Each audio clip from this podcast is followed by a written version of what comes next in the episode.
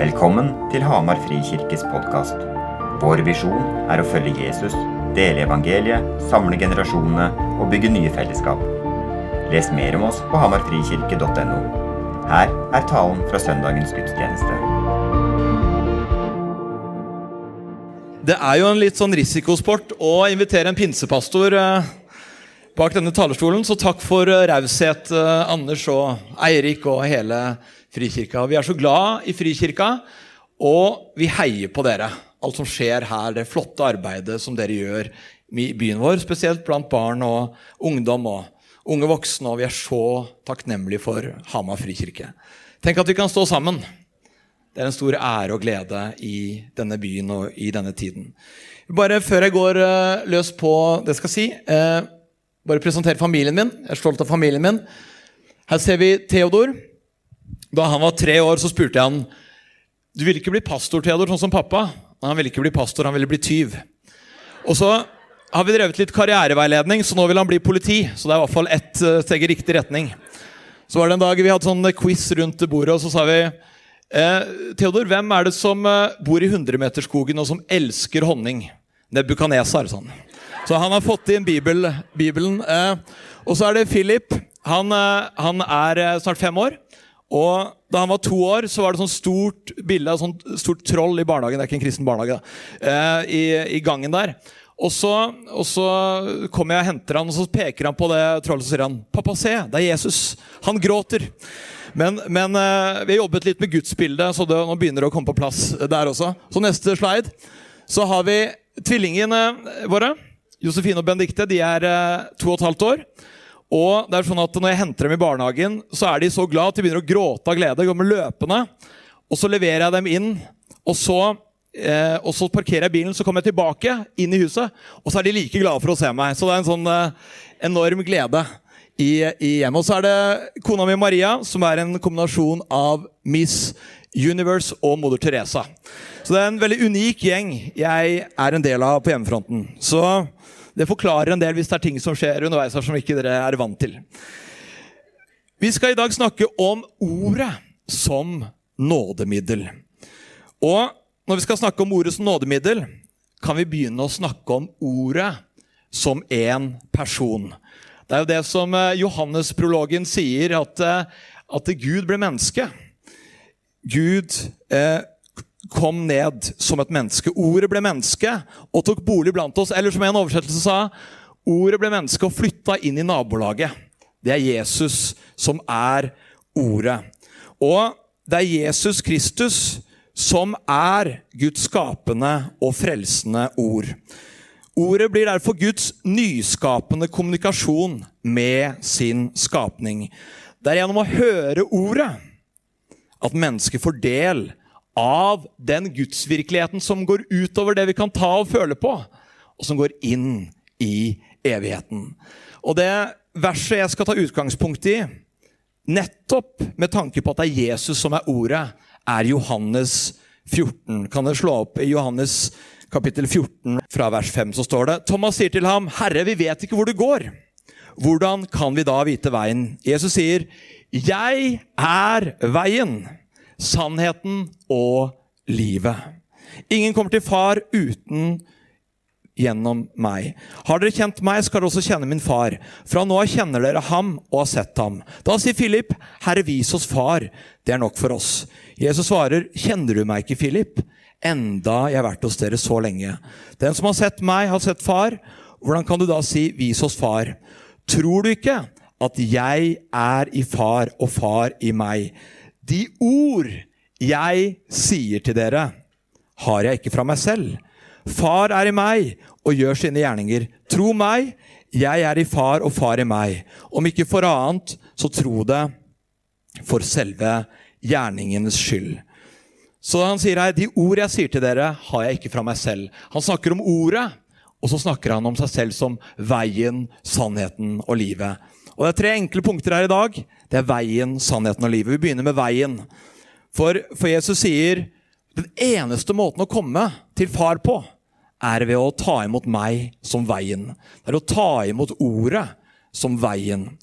Og Hvis vi snakker om nådemidler, da, og ordet som nådemiddel, så er det ordets karakter, det er å være nåde og gave som blir gitt oss ved troen. Så, så da er det sånn at eh, For å sitere Jan Olav Henriksen fra MF Jeg vet ikke hvor mye MF-teologer dere får sitert her, men jeg har jo gått på MF, så jeg er litt, litt luthersk også.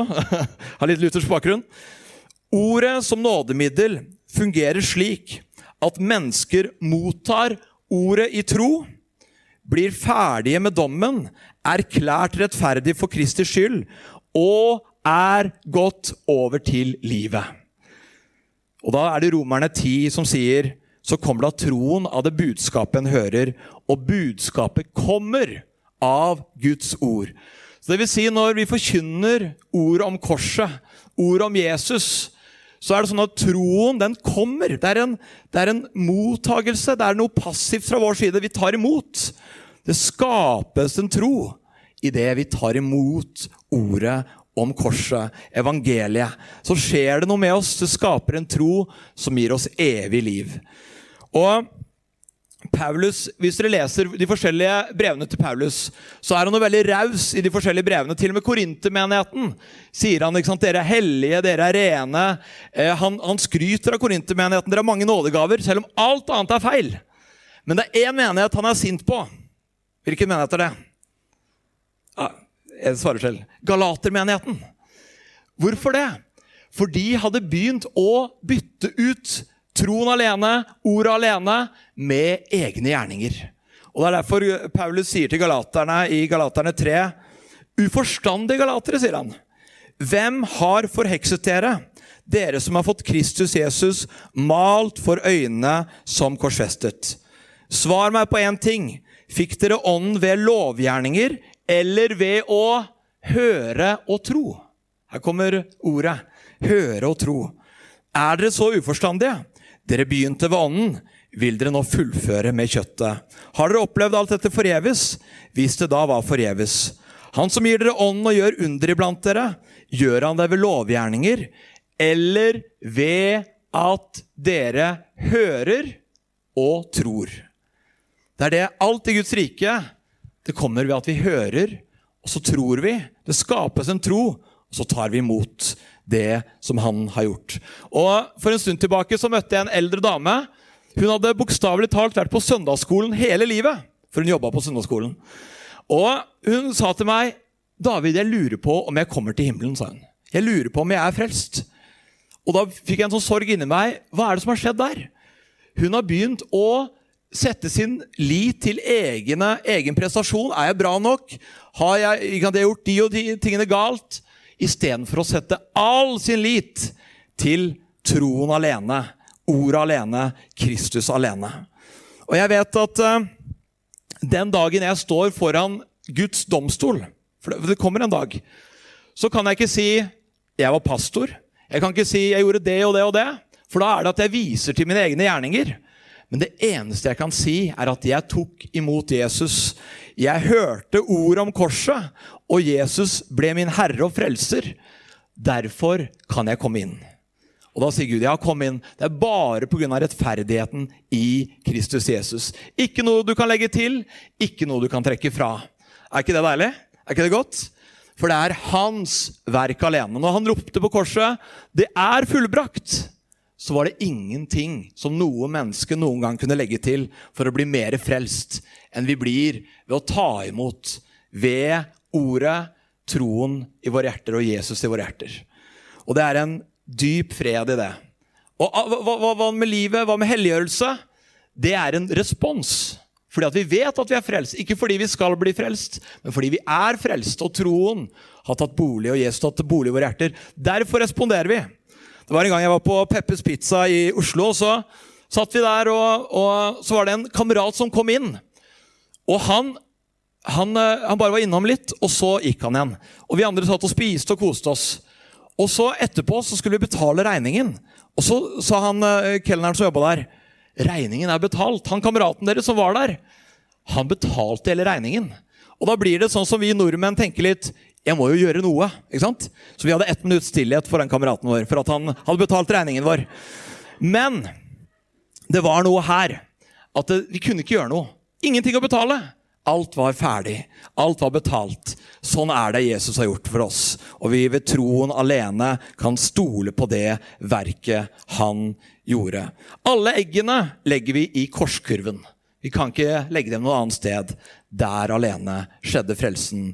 Ordet som nådemiddel viser oss at ved troen alene har vi frelse, har vi gjenopprettelse i Kristus.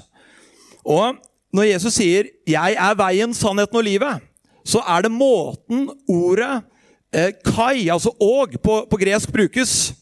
Er dere, er klar for litt nerdete ting når det gjelder gresk her nå? Ja, bra. Én. Da er det sånn at eh, måten det brukes, er det som kalles for ep-eksegetisk. Det vil si at når Jesus sier 'jeg er veien, sannheten og livet', så er det sånn at eh, sannheten og livet skildrer veien. Det vil si det er en beskrivelse av de forutgående, det forutgående ordet. Det vil si det Jesus sier er egentlig 'Jeg er veien', og den viser seg ved sannheten og livet. Så når vi da snakker om sannheten her, så er det sånn at eh, for å vite at du er på den veien som Jesus har, så må vi se er det ordets sannhet som gjelder. Lever du i sannheten, og lever du i det livet han har? Begge deler formidles gjennom ordet. Og Jesus sier jo det i den ypperste prestelige bønnen. Han sier til, eh, til eh, Han ber hellige dem i sannheten. Ditt ord er sannhet. Jeg helliger meg for dem, så også de skal helliges i sannheten. Og Her blir altså nådemiddelet et ytre ord. Det vil si, det har sin grunn og sitt grunnlag utenfor mennesket. Så det vil si, uansett hva jeg føler i dag, så er Guds ord sannhet. Uansett hva jeg kjenner på erfaringer og videre, så er ordet sannhet og er mer sant enn mine følelser og mine erfaringer. Og, og det tror jeg er viktig i en tid hvor man hele tiden skifter på bibelsyn, og man gifter seg med tidsånden. Jeg vet ikke om det var Ibsen eller Kirkegård som sa det. At den som gifter seg med tidsånden, blir raskt enke. Hvis vi hele tiden skal tilpasse ordet til kulturen, så har vi ikke noe å bygge på.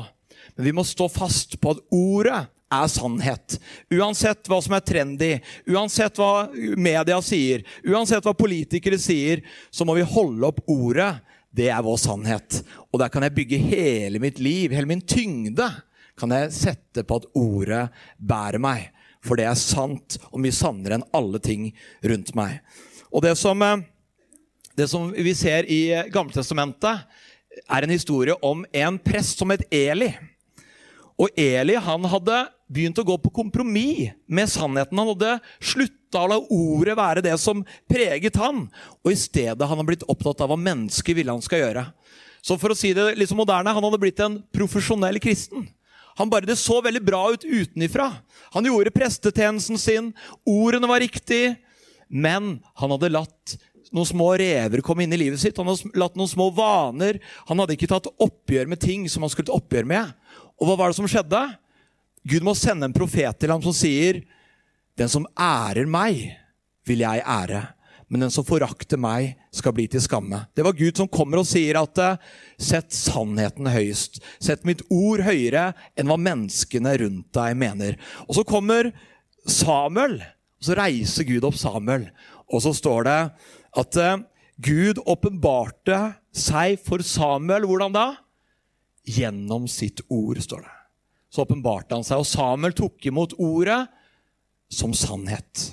Det var det. Det var ikke sånn at Samuel begynte å gjøre sånn som Markion. Har dere hørt om Markion? Dere har vel Eirik Austing som pastor? har dere ikke det? Markion på 140-tallet han er den første erkekjetteren i kirkehistorien. Han begynte å lage Bibelen til sitt eget bilde. Han begynte å skape Gud etter sitt eget bilde. Så han tok og klippa vekk hele Gammeltestamentet. Han syntes Gud var litt lunefull i Gammeltestamentet. Og Så klippa han bort tre, noen Paulusbrev, så han satt igjen med ti Paulusbrev. Og så satt han, Jesus var ganske snill i Lukas, så han beholdt Lukas. Og resten tok han bort. Og så skapte han en egen kanon. Og så ble han utvist som erkekjetter. Fordi han skapte Han lagde sin egen bibel. Han tok bort de versene som han ikke likte. Og mitt tips til oss alle er de versene du har mest problemer med i Bibelen, det er de du trenger mest. For ellers så blir det sånn at jeg bare Ja, det ordet der Johannes 3, 16, jeg leser det hver dag. jeg. For da, det er så bra. Men det er de versene som du syns dette utfordrer meg. Der må Guds ord komme og forme oss, forme meg. Sånn at noe kan skjæres bort, sånn at jeg kan bli litt mer lik Jesus. Det er disse versene vi trenger i vår tid. Hebreerne 1,9 sier du har elsket rettferd og hatet urett. Derfor har Gud, din Gud, salvet deg med gledens olje. Det var det som står om Jesus. Han elsket sannheten. Og Derfor var han den gladeste av alle mennesker. Så Når man er hellig og lever i hellighet, så blir man ikke sur. Man blir glad. Fordi ordet gjør noe med deg og, og skjærer bort ting som ikke skal være der. Så du blir fri fra synd og bånd og lenker og alt det som denne verden prøver å, å, legge på deg. Det var nesten så jeg holdt på å si amen, men det skal jeg ikke si her. Det blir litt uh... Amen. så, så, jeg tror at uh, i vår kultur så setter man relasjon over sannhet. Man er så glad i folk, og, og det skal vi være, men vi må alltid elske mennesker ved å si dem sannheten. Så kona mi elsker meg, derfor sier hun David, du har ketsjup i skjegget. ikke sant? Det er å elske meg, ikke bare late som jeg ikke har det. Og Sånn er det å løfte fram Guds ord selv når det koster relasjonelt sett. Så er det siste ordet som nådemiddel. Jeg er veien, sannheten og livet. Og når Jesus talte, så talte han med autoritet. Det var ikke bare noen ord han, han hadde pugga utenat, men det var liv. Det var ånd. Og Jesus sier det, Johannes 6, 63, han sier De ord jeg har talt til dere, er ånd og liv. Det er soe-liv som brukes her. Det vil si Guds type liv. Som forandrer oss, som, bringer, som blåser liv der det har vært døde ben, som du talte om på fellesmøtet. Eh, der det har vært, eh, det har vært eh, tungsinn og, og depresjon, så kommer Gud, og så blåser han liv gjennom sitt ord. Og så blir vi fri, og så får vi løfte våre øyne bort fra oss selv og opp på det Gud har for oss. Og, og bare for å sitere Jan Olav Henriksen Jeg vet at uh, Eirik Austeng skal høre på den prekenen etterpå. Jeg må ha litt uh, Henriksen-sitater. Han sier at uh, ordet som nådemiddel, at forkynnelsen av ordet er stadig på nytt å utlegge Guds virkelighet slik at den møter det enkelte mennesket i dets liv. Den består ikke bare i å fortelle hva som skjedde en gang for 2000 år siden, men i å la det som skjedde den gang, møte menneskers liv her og nå. Så Guds ord er levende. Hebreerne 4,12 sier Så beveger jeg meg litt her. Guds ord er levende og virkekraftig og skarpere enn noe tveget sverd. Det trenger gjennom helt til det kløver sjel og ånd, ledd og marg, og dømmer hjertets tanker og planer. Så ordet er liv.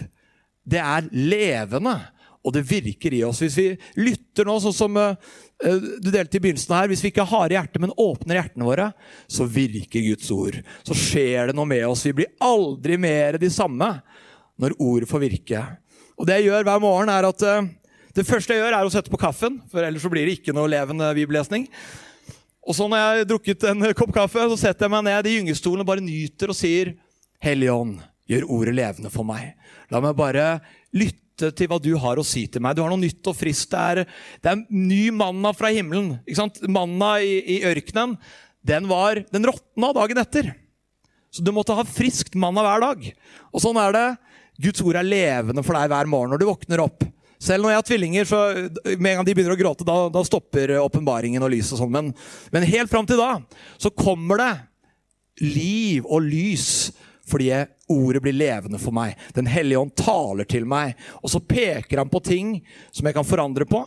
Og så taler han i oppmuntring til meg, liv til meg, og så merker jeg dette blir en bra dag. Dette er en seiersdag. I dag er Jesus med meg. Hans ord er levende i meg. Og så ser jeg at det han har talt om, det blir til virkelighet. Fordi ordet lever, er virksomt i meg. Det er en erfaringsdimensjon her som vi skal få lov å gå inn i. Og noen ganger er det sånn at eh, vi skaper vår teologi ut ifra erfaringer. Og det er ofte når det for gjelder å be for syke mennesker. Ofte så gjør Vi sånn at ja, vi alle har erfaring hvor vi ikke har sett eh, at folk blir friske. Men så drar vi noen ganger Guds ord ned på det nivået vi er på, istedenfor å se på ordet. Og så lar vi ordet løfte oss opp. og si ja, vi forstår ikke hvorfor det ikke alltid skjer, men ordet sier at på syke skal de legge sine hender, og de skal bli friske. Og Det var en gang jeg satt på, på Oslo sentralstasjon. Og Så satt jeg faktisk og leste Bibelen, så jeg følte meg veldig bra. Men så, så ser jeg en mann som halter forbi, så sier Gud til meg, 'Gå og snakk med han'. Og så sier jeg til Gud, 'Ser du ikke at jeg leser Bibelen?' Hæ? Jeg hadde ikke så lyst til å gjøre det. Og så, og så kjente jeg liksom bare Gud bare ta, Jeg sa, 'Gå og snakk med han'. Og så gjorde jeg det, og så, så begynte jeg å fortelle. Jeg, jeg la ut ordet, fortalte om Jesus, evangeliet. Og så sa jeg, Vil du, tro, 'Tror du på Jesus som Guds sønn?' Nei, han var muslim. Han trodde at Jesus bare var en profet. Og så, og så sa jeg jeg så at du halta. Har du, har du noen problemer? Ja, han hadde mye smerter i kneet sitt. Kan jeg få be for deg? Og da var mitt utgangspunkt Ordet sier de skal legge hendene på de syke, og de skal bli friske. Så jeg bare visste det. Ikke ut fra erfaringer, men fra ordet sa det. Så bare ba jeg for ham, og så ble han momentant helbreda. Og så han, spurte jeg da vil du ta imot Jesus nå, som, som Guds sønn, som døde og sto opp igjen. Ja, det ville han. Han merket Guds kraft. Ordet, Guds ånd, var levende. Han hadde blitt berørt av Guds kraft. Så fikk jeg be med han til frelse, lede han til Jesus. Og så sa han noe nydelig. 'Jeg føler meg så ren på innsiden', sa jeg. Jeg føler meg så ren på innsiden. Hele, alt det der skammen og synd var borte. Jesus hadde kommet med sitt ord og både helbreda han og frelst han. Er ikke det nydelig? Men det er Guds ord i Ja, det er Guds ord i praksis. Og, og det var en en gang som jeg skulle eh, Jeg var blitt invitert til å tale i Afrika. Og Det hørtes veldig, det hørtes veldig bra ut gjør det ikke det? å tale og vitne og, og, fortelle om Jesus. Men så jo nærmere den turen kom, jo mer ufred kjente jeg på innsiden. Har du vært borti den gang? Noen ganger så, Det virker så bra, men så kjenner man det er bare en sånn ufred. Og så og, så, og, Navnet mitt sto på plakatene der borte, og korstog og greier. Og, og, Du vet hvordan det er i Afrika. så, så, det virket jo kjempebra, men så bare var jeg åpen, og så sa jeg Gud Jeg stiller meg helt i fri. Jeg satt på kjøkkenet, husker jeg, og så begynte jeg å lese Bibelen. Og så leser jeg fra Esekel, så står det Han lar deg finne fred i ditt eget hjemland. Og da bare kjente jeg Guds nærvær fylte det rommet. Og jeg begynte å gråte og kjente jeg skal ikke til Afrika nå. Det var en rastløshet som hadde kommet over meg. Skulle dit. Nå skulle jeg være her og bygge Guds rike her. Og så fikk jeg lov til å være med og, og gjøre noe her i Hamar isteden. Er ikke nydelig? Men det var ordet som ble levende, og som talte til meg. Talte til meg i mitt hjerte. Og Sånn er det ordet kan bli levende for oss å tale til våre hjerter. Og så er det sånn at ordet som liv, det er at vi forstår mer og mer hvem vi er i Kristus. Hva han har gitt oss. Og, og det, var, det er en en historie om en mann som, eh, som eh, for lenge siden skulle til Amerika, faktisk en nordmann. Og han satte seg på skipet, og han hadde med seg som en god nordmann hadde med seg niste. ikke sant? Og det brødet ble mer og mer tørt på veien. Men så så han det var en restaurant der, og folk spiste. Og de spiste de mest margfulle retter. Egg og bacon. Og han bare satt der og sikla og hadde lyst på det. Men så satt han i sted med den der lille nistepakka si. Men så visste han jeg skal til Amerika. En dag så kommer jeg til Amerika. Da blir det egg og bacon. Og så var det på slutten av reisa så var det en som kom til han og sa kan jeg se på billetten din. Og så kommer han og så ser han på billetten, så står det all inclusive. Og så tenker han tenk hva jeg har gått glipp av.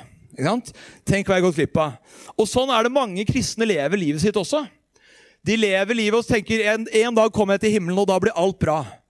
Og så har faktisk Jesus, når han ropte på korset og sa det er fullbrakt, gitt deg en billett som det står all inclusive.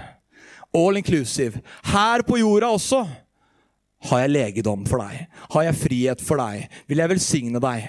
Og Det er det Paulus ber for Efesermenigheten. Han sier ikke 'fiks problemene deres', men han sier 'må han gi dere lys til hjertets øyne' så dere får innsikt i det håp han har kalt dere til, og hvor rik og herlig hans arv er.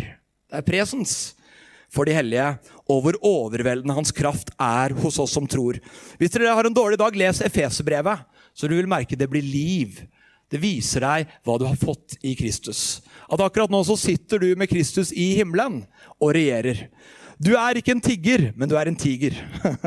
Du er ikke foreldreløs, men du har kommet inn i Guds familie, og du er en arving med Kristus. Så sier du det er for godt til å være sant. Sjekk Efeserbrevet. Det står der. Vi har fått alt i Kristus. Men det forstår vi når ordet blir liv for oss. Og så ser vi den autoriteten det Gud har gitt oss i og gjennom Kristus. Amen. Skal vi ta og reise oss opp? Og så skal vi motta Herrens velsignelse. Vi takker deg, Gud, for ditt ord som er levende og virksomt. Takk at uh, du bare velsigner hver eneste en som er her. Takk at uh, ordet skal få tale til oss, forme oss. At vi skal få merke det at uh, vi blir mer lik deg, Jesus, når du ved Din Hellige Ånd gjør ordet levende for oss. Takk at vi også skal se hvem vi er i deg, Herre. Det handler ikke om oss, men det handler om at vi skal få lov til å formidle din kraft til den generasjonen som lever her på jorda nå, Herre. At mennesker skal se gjennom våre liv, Herre. At vi er tegn på at du lever, Jesus. At du har stått opp igjen fra de døde, Herre. Og at ditt ord lever og virker i dag i denne tiden. Må Herren velsigne deg og bevare deg. Må Herren la sitt ansikt lyse over deg og være deg nådig. Må Herren løfte sitt åsyn på deg og gi deg fred. I Jesu navn. Amen. Amen.